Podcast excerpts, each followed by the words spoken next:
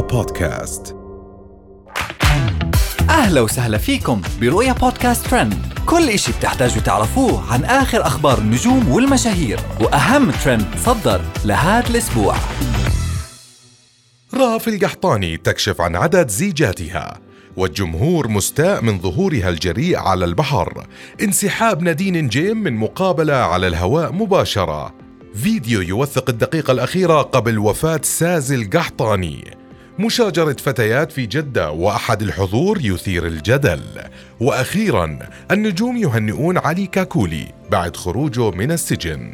أثارت رهف القحطاني الجدل مؤخرا بعد ما صرحت في أحد لقاءاتها عن عدد زيجاتها حيث قالت إنها تزوجت مرتين مرة في عمر 17 سنة والمرة الثانية في عمر 20 سنة.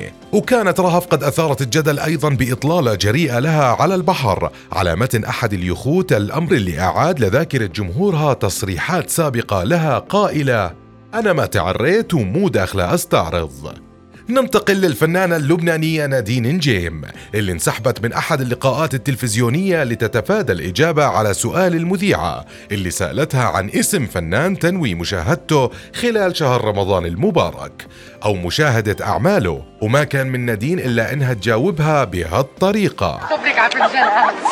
وكانت المقابلة خلال الاحتفال بمهرجان الموركس دور واللي حصدت فيها الفنانة نادين نجيم جائزة أفضل ممثلة عربية لعام 2021 وقالت إنها راح تغيب عن موسم رمضان لعام 2022 والدراما بسبب تفرغها حاليا لمشروعها الخاص بمجال التجميل. في خبر آخر تداول رواد ال social media الفيديو الأخير اللي تم التقاطه للمشهورة سازي القحطاني قبل وفاتها بدقائق بحادث سير.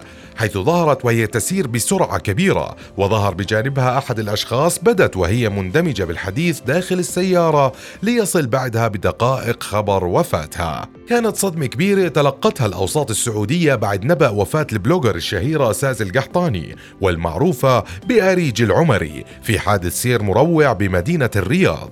الأمر اللي تسبب في حزن كبير بين متابعينها.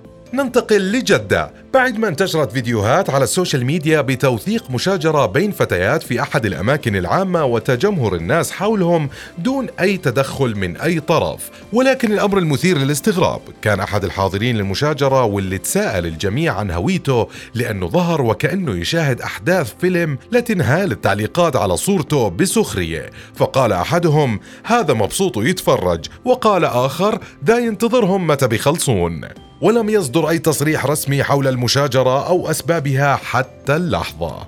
وأخيرا ضجت ال social media ليلة أمس بخبر خروج الفنان علي كاكولي من السجن بعفو اميري عام صدر مؤخرا بمناسبة الأعياد الوطنية في الكويت.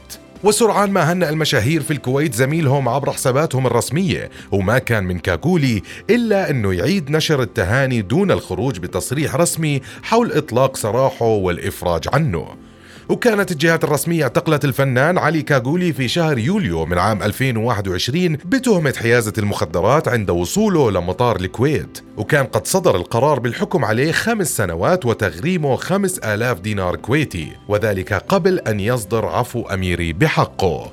وهاي كانت كل أخبارنا لليوم. بنشوفكم الحلقة الجاي. رؤيا بودكاست.